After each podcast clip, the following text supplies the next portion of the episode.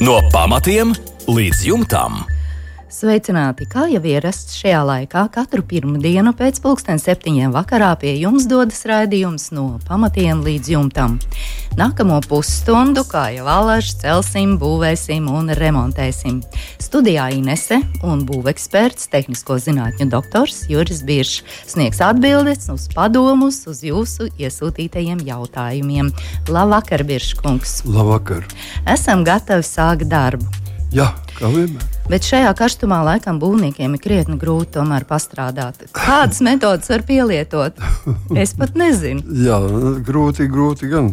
Tāpēc, ka karstumā pašreiz visiem ir grūti. Mēs varētu teikt, Nu, galvenais jau ne tik daudz tas karstums, kā tas sausums. Ir. Jā, žāvē, žāvē. Un tas ir uh, būvniekiem ļoti bīstams, tāpēc tas nozīmē, ka visi darbi ir jāveido, visi mitrie tehnoloģiskie procesi jāuzpasē, jāmitrina. Nu, savādāk būs plaisas un visādi citas padarīšanas. Nu, jā, tas... tas papildus prasa nu, uzmanību, darbību. Un, nu, zināšanas jā, arī. Papildus sarežģījumi, jā, jā un tiešām tā. zināšanas. Bet nu pie darba, un šovakar sāksim ar uh, Valentīna rakstīto vēstuli. Vēlos noskaidrot, kādi remonta darbi vai siltināšanas darbi būtu jāveic vienstāvu mājas pamatiem, raksta Valentīns. Mājas grīdu pīrāgs ir šāds plēve, šķembas, siltināšanas materiāls un grīdas segums. Kas būtu jādara ar pamatiem, ar mājas pamatiem no ārpuses? Vai jāsiltina, vai tikai jāpielabo ar betona slāni? Varbūt ir vajadzīga hidroizolācija. Un pielikumā Valentīns ir pievienojis fotoattēlu, un mēs redzam, ka tiešām pamatu cokols izskatās visai bēdīgi. Laika zobs ir darījis savu, izdrupis, eh, vietām mitrs, un arī šis izvirzījums, kas arī laikam ir ļoti, ļoti šajā gadījumā ietekmē pamatu stāvokli. Lūdzu, Jā. jūsu komentāru, ko nu, teiksiet Valentīnam, kā izskatās. Bet viss ir labojams un darāms. Viss vienmēr, visi vienmēr var nomierināties. Labojums ir vienmēr, vajag tikai laiku, zināšanas, nu, nedaudz arī finansiāls palīdzības, un tad jau viss, viss var izdarīt. Te varbūt tas, eh, par cik tā ir, nu, vismaz mēs redzam, ka tā ir nezinu, mājas vai vienstāv. Jā, tā ir vienstāv māja, tipiska vienstāv māja. Redzam, redzams, ka uh, cokols ir nedaudz, apmēram centimetrs, 10, 20 no, no zemes līmeņa uz augšu un ir izvirzīts uz āru. Tas ir tāds atsevišķs, teiksim, agrākos laikos tā būvēja. Mūsu laikos, jaunās, modernos laikos tā necenšas nebūvēt vairāk. Un tāpēc jautājums par to, vai vajag teiksim, siltināt vai remonta darbus darīt. Remonta darbus vajag darīt tad, ja kaut kas jūg ārā. Bet dotajā gadījumā, vismaz no bildēm skatoties, nekas tāds īpašs nejūg ārā, bet tas izvietojums ir diezgan tāds. Nu, Zem jautājuma. Un tāpēc varbūt tas mazliet atgriezīsimies pie tā, kas mums ir ar pamatiem.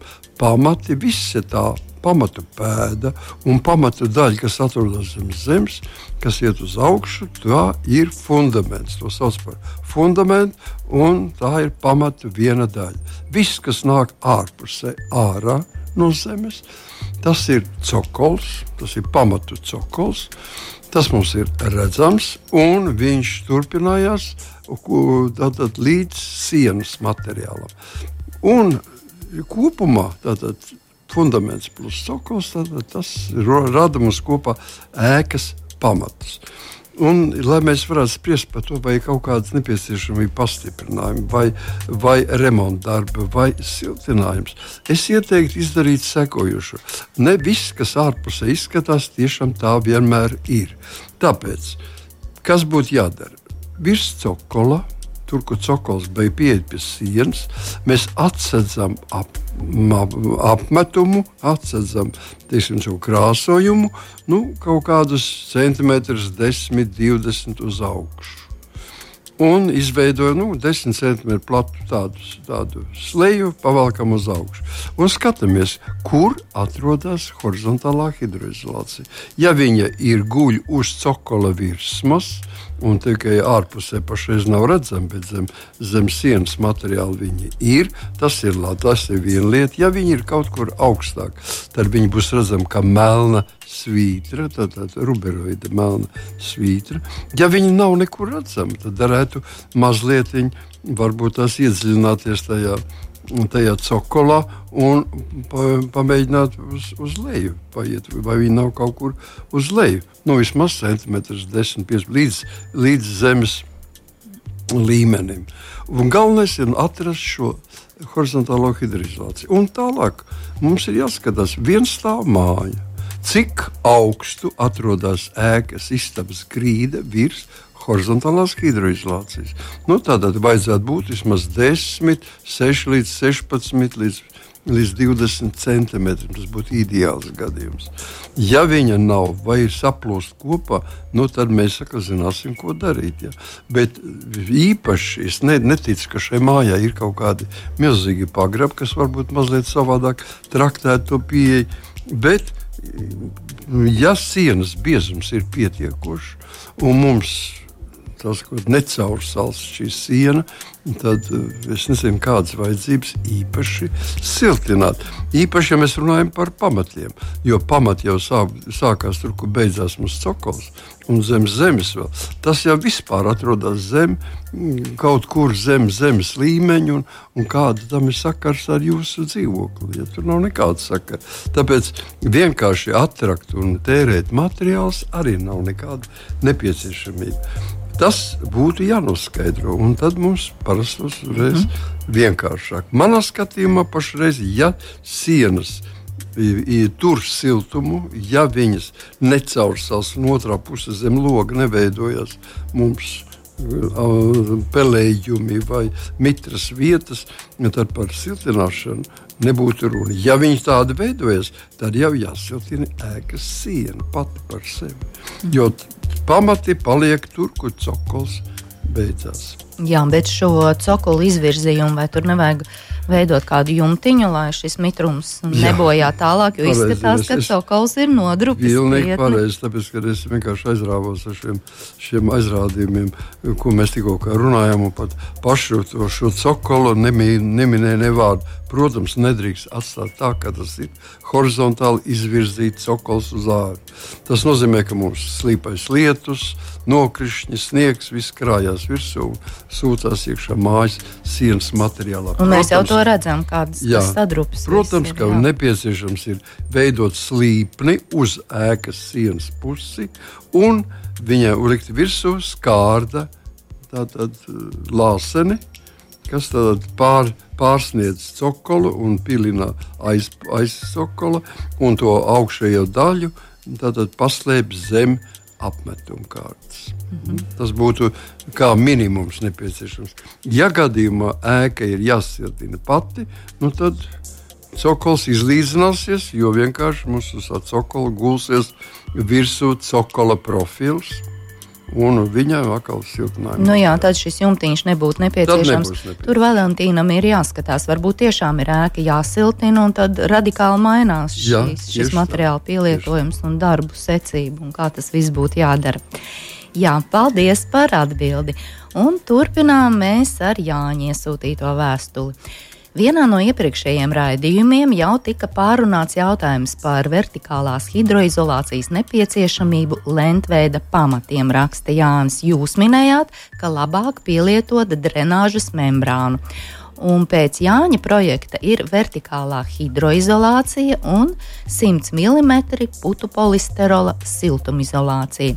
Manas domas par vertikālās hidroizolācijas nepieciešamību pamatiem ir līdzīgas jūsu domām, bet radās jautājums, vai ar vertikālās drenāžas membrānu ir iespējams uzstrādāt arī siltumizolāciju. Ja tas ir iespējams, kāda tad ir darba secība, kas ir jāievēro par membrānas uzstādīšanas augstumu, un vai ar to arī jānosedz pēdas daļa.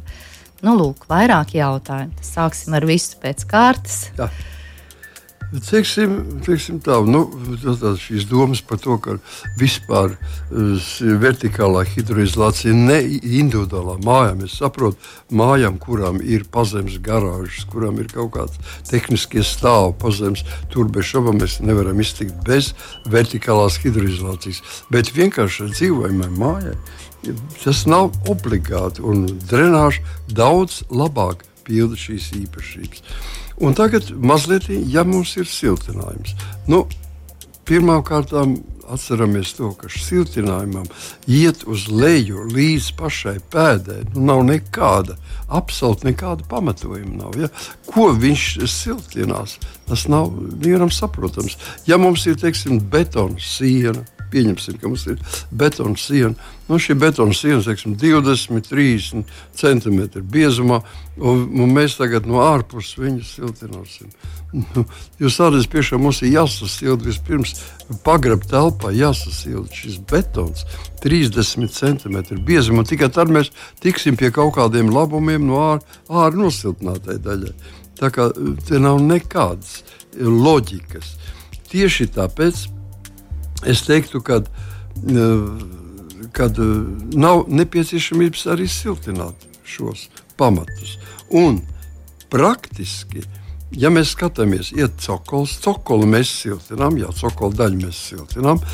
Cik tālu mēs siltinām zem grunts? Nu, maksimums 10, 15 centimetri, ne vairāk. 10, 15 centimetri uz leju ir siltināts. Un pēc tam sako kails, betons, kuram ir virsū uzlikta šī telpiskā geomembrāna. Viņa iet līdz pašam šim siltinājumam, pa, pa, paliecās uz ārpusi, un no ārpuses apņemot šo siltinājumu, parādās ārā. Tātad no ārpuses. Nekādā gadījumā šo telpisko geomembrānu nepastrādāt zem apakšā. apakšā nekādā gadījumā. Tad mēs vienkārši likvidēsim vispār nekādu jēgu. Bet viņa aiziet līdz no vertikāli, no pamatu pēdas vai no pamata eh, siena, viņa iet uz augšu, iet līdz siltinājumam, apliec to no ārpuses, 5 centimetri virs grunts un ar to beidzās. Mhm. Un tātad viss šie mitrumi nāk no apakšas un iet seko līdzi un iztvaiko ārā gaisā. Bet siltinājumam tas nav nepieciešams. Mēs atceramies kaut vai tikai to, ka jau vairāk kā metru zem zemes mums pat ja mēs neko nesildām, tad pagraba temperatūra, jeb grunts temperatūra nekad nepārsniedz plus 4 grādus. Tas ir zemāk, nekrīt. Zemes dzīves dod savu siltumu. Tā kā siltināt jau siltu vietu, es domāju, nu nav nekāda. Nav nekāda jēga. Un, un pamatu pēdas daļa, nu, protams, nav jānoslēdz ar šo membrānu. Absolūti nav nekādas jēgas. Teiksim, es vairāk vairāk piekristu un es vairāk atzītu to, ja cilvēki zem pamata pēdas liktu uh, hidroizolāciju, liktu ruberoidu, mēģinātu viņu likt mitruma barjeras, likt tieši uh, teiksim, betonā pēc, bez zināmas stāva augstuma Tas ir daudz saprotamāk un tas ir daudz liederīgāk nekā siltināt to daļu, kas atrodas zem zemes. Ja viņu siltināt, tad lielākoties viņi izpilda hidroizolācijas, vertikālās hidroizolācijas funkciju, jo ekstrudētais putekļs arī ir. Tā ir ūdens necaurlaidīga masa. Tātad, ja mums ir vertikālā hidroizolācija un vēl siltumizolācija, tā ir vienkārši siltināta hidroizolācija, kura mums nav nepieciešama un kura maksā milzīgu naudu. Jā, bet vēl bieži kungs šī daļa, kur šī telpiskā geomembrāna apklāj putekļa siltinājumu slāni un iziet 5 cm uz augšu, Jā. to jau arī jānosedz. Tas jau ir uh, trauks. Saules, to, to, saules ietekmē bojāja šis materiāls. Ne, to nosedz vai nu ar šķembām, uh mhm. -huh. vai oļiem, uh mhm. -huh. vai ar betona bruģakmenīti. Ja? Tātad viņi 5 cm virs zemes līmeņa. Bruģakmenis mums ir 7 cm biezs, Jā. kas jāliek pie apmales. Tātad 2 cm augstāks par šo izlaidumu uz ārā. Viņš piespiež viņu klāt. Nu, galīgi jau piespiest nevar. Piespiest viņš nevar nepiespiest. Tur viņš pumpiņa ir, jā. jā, tur ir 8 mm sprauga paliek jebkad. Un, un ar to ir pietiekami. Ar to ir pilnīgi 8 mm un gaisa apmaiņa notiek, un pamati žūst, un māja elpo. tā. Nu, re. Tad, kad viss tā noskaidro, viss liekas vienkārši. Bet pirms darbiem liekas tik sarežģīti, tik Ne, sarežģīti. nu, kā vienmēr, ja tu zini, tad ir vienkārši. Ja tu nezini, nu, tad ir ne tikai sarežģīti, tad ir, tad ir slikti. Jā, nu, bet mēs zinām šajā gadījumā. Paldies Jānim par jautājumu, un paldies Biržkungs jums par atbildi. Pārveidoju akmens kūti par dzīvojamo māju, mums raksta Zigurds. Kā ir pareizi siltināt akmens sienas no iekšpuses? Nu, noteikti pamatīgs sienu biezums, Jā, ir nu, mēs jau parasti runājam par to, ka kārtīgi laukakmeņi. Tiešām, jo parasti ir vienalga no kāda materiāla taisīt sienu, ja viņi, ja viņi pārsniedz 60 centimetrus un īstenībā jau praktiski pie 70 centimetriem, tad nu, tas ir likums vienkārši. Nav nekādas jēgas siltināt no ārpuses. Mēs nevaram pat vairāk gadu laikā uzsildīt tās sienas. Tad ir nepārtraukti ziema un vasara jākurina, lai tās sienas uzsildītu un kaut cik nodrošinātu uh, siltumu iz, izolācijai kaut kādu darbu. Un tāpēc siltinā no iekšpuses. Bet siltinot no iekšpuses, ja mums ir tas akmens priekšā, viņš jau tāpat tās kaut ko mums dod. Bet parasti šīs telpas, un šai gadījumā bijusī kūts, nu, viņa ir diezgan liela. Nu, agrāk jau cilvēki arī govīm atvēlēja kaut ko vairāk nekā sevi, ja, tāpēc viņš tāds telpas ir diezgan liels. Un tāpēc mēs varam diezgan droši atļauties arī kaut ko siltinājumu biezumu no iekšpuses. Un tāpēc, lai izradītu šo nepieciešamo siltinājumu biezumu, parasti dara tā, ka no iekšpuses veido karkasu koku karkas, vai metāla karkas, vai no brīva rīķipša šos, šos salīkumos alumīnija,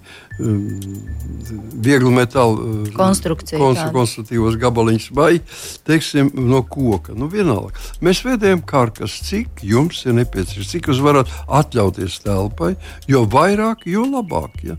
Un tāpēc pēc tam, kad šis karkas ir izveidots, šo karkasu vai no apšuja no iekšpuses ar mīksto kokšķietu plātni vai ar kādu citu jums pieejamu lētāku materiālu. Un visu to iekšējo daļu no koka līdz, līdz apšuves materiālam piepūš ar ekovatu. Tas ir pats vienkāršākais un paņēmies, un praktiski arī visātrākais paņēmies. Šeit nav kārtām jāšoja virsū kaut kādi materiāli. Šeit mēs vienkārši veidojam karkas tik biezi, cik mums ir nepieciešams šis siltinājums. No parasti, teiksim, ja mums ir 70 centimetri akmens, dabiskā akmens mūris, un mēs gribam no iekšpuses siltināt, mums jārēķinās ar 20 centimetriem kā, minim, kā minimums. Jārēķinās. Un tad mēs veidojam 20 centimetru biezu karkasu. Kas sastāv no vertikāliem un horizontāliem elementiem, kas tika piestiprināti klāt pie šīs sienas. Un apšot, apšujot to ar, ar nosedzošo mīksto kokšķieda plāksni, mēs iegūstam nu, it kā veidni. Ja? Mm -hmm. Un tad vienkārši ar, ar ekovatiku, ko padod zem spiediena, mēs varam viņu piepūst. Pievienojot nedaudz, pievienojot šai vatē vēl klāt, teiksim, līmējušu sastāvu. Mēs panākam to, ka šis, šis noblīvējums ir diezgan blīvs. Viņš nesēžas, viņš ir salīmēts kopā, viņš nesēžas. Un mēs dabūjām nu, to, kas mums ir nepieciešams. Bet šī šķirba pie, pie, pie lauka akmeņiem. šī Nevajag kokšķa- nekādu, Neko nevajag. nekādu Tur- šķirbu. tur momentā Tiklīdz, tiklīdz blīvi. radīsies šķirba, tā būs pilna ar ūdeni. Bet, ja nevar blīvi pielikt pie lauka Nu, kā var nepielikt brīvi? Jūs varat karkas nepielikt brīvi, bet iepūšot vatu, viņa viss būs aizpildīs. aizpildīs. visu. Jā, skaidrs. Teiksim, tas karkas būs mazliet no, no sienas no, nost, ja, bet viņš kopumā Piepūšamā apjomu. Tātad piepūšamais materiāls Jā. tur vislabāk der, Tieši un tad, tad nav nekādu spraugu. Tieši tā. Jā, sapratu. Un vēl viens jautājums, nu, pagaršs jautājums ar apakšpunktiem, un to mums ir atsūtījis Rolands.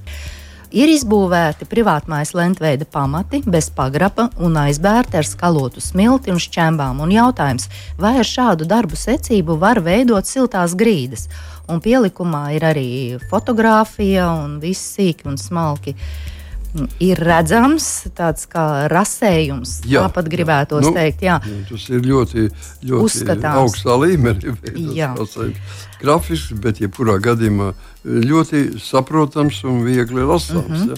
Tur ir minimālas kļūdiņas, ko teiksim, pat, ne, pat nevaram uzskatīt par kļūdiņām, kas varētu būt ieteikumi, varbūt druskuļi racionālāk būt tā, vai savādāk, vai biezumā. Bet principā viss tas, ko ir Rolands iz, izveidojis, tas ir, ir pieņemts, tas ir pareizi. Tātad tagad... iekšpusi mēs varētu uzskatīt, ka viņa ir pareiza. Jā, un tagad ir jautājumi, vai šķēmu daudzums būs pietiekams 100-150 mm, veidojot silto grīdu. Tas Jā. ir uz grunts. Tātad atbildes skan, kad 100 nu, šķembu biezums, jo biezāks, jo labāks, bet tas ir jo dārgāks. Ja? Mm -hmm. Un šķembu ieklājums, noblīvēts šķembu ieklājums 100 mm biezumā skaitās minimums. Jā. Minimums, ko mēs lietojam. Var būt vairāk, bet mazāk Nevar būt. būt jā. Jā. Nu, vai šķembām būtu nepieciešama blietēta smilts kārta virsū? Nu, tas nav obligāti. Viņa nav obligāti, jo smilts katrā gadījumā nav mums tas tā īstā materiāls, kas mums būtu vajadzīgs. Mums pilnīgi pietikt ar šķembām. Vienīgais, kad kādā gadījumā mēs pielietojam smiltis nedaudz, teiksim, pusotra centimetra, divu centimetru biezumā. Tad, ja mums ir gadījušās šķembas ar ārkārtīgi asām šķautnēm, un mēs nevaram noblīvēt, nu, teiksim, mēs neblīvējam ar vibratoriem, bet ar rokām mēģinam blīvēt, un, un varbūt mums paliek šīs asās šķautnes. Lai tvaika izolācija nepārplēsta, mēs liekam virsū vēl tās pusotra, divi centimetri smilts kārtiņa. Ja? Uh -huh. Un tā tad nākamais jautājums, vai cokola iekšējā perimetra mitrumu norobežojuma elements var būt ekstrudētais putu polisterols vai arī kāds cits izdevīgāks materiāls varbūt ir?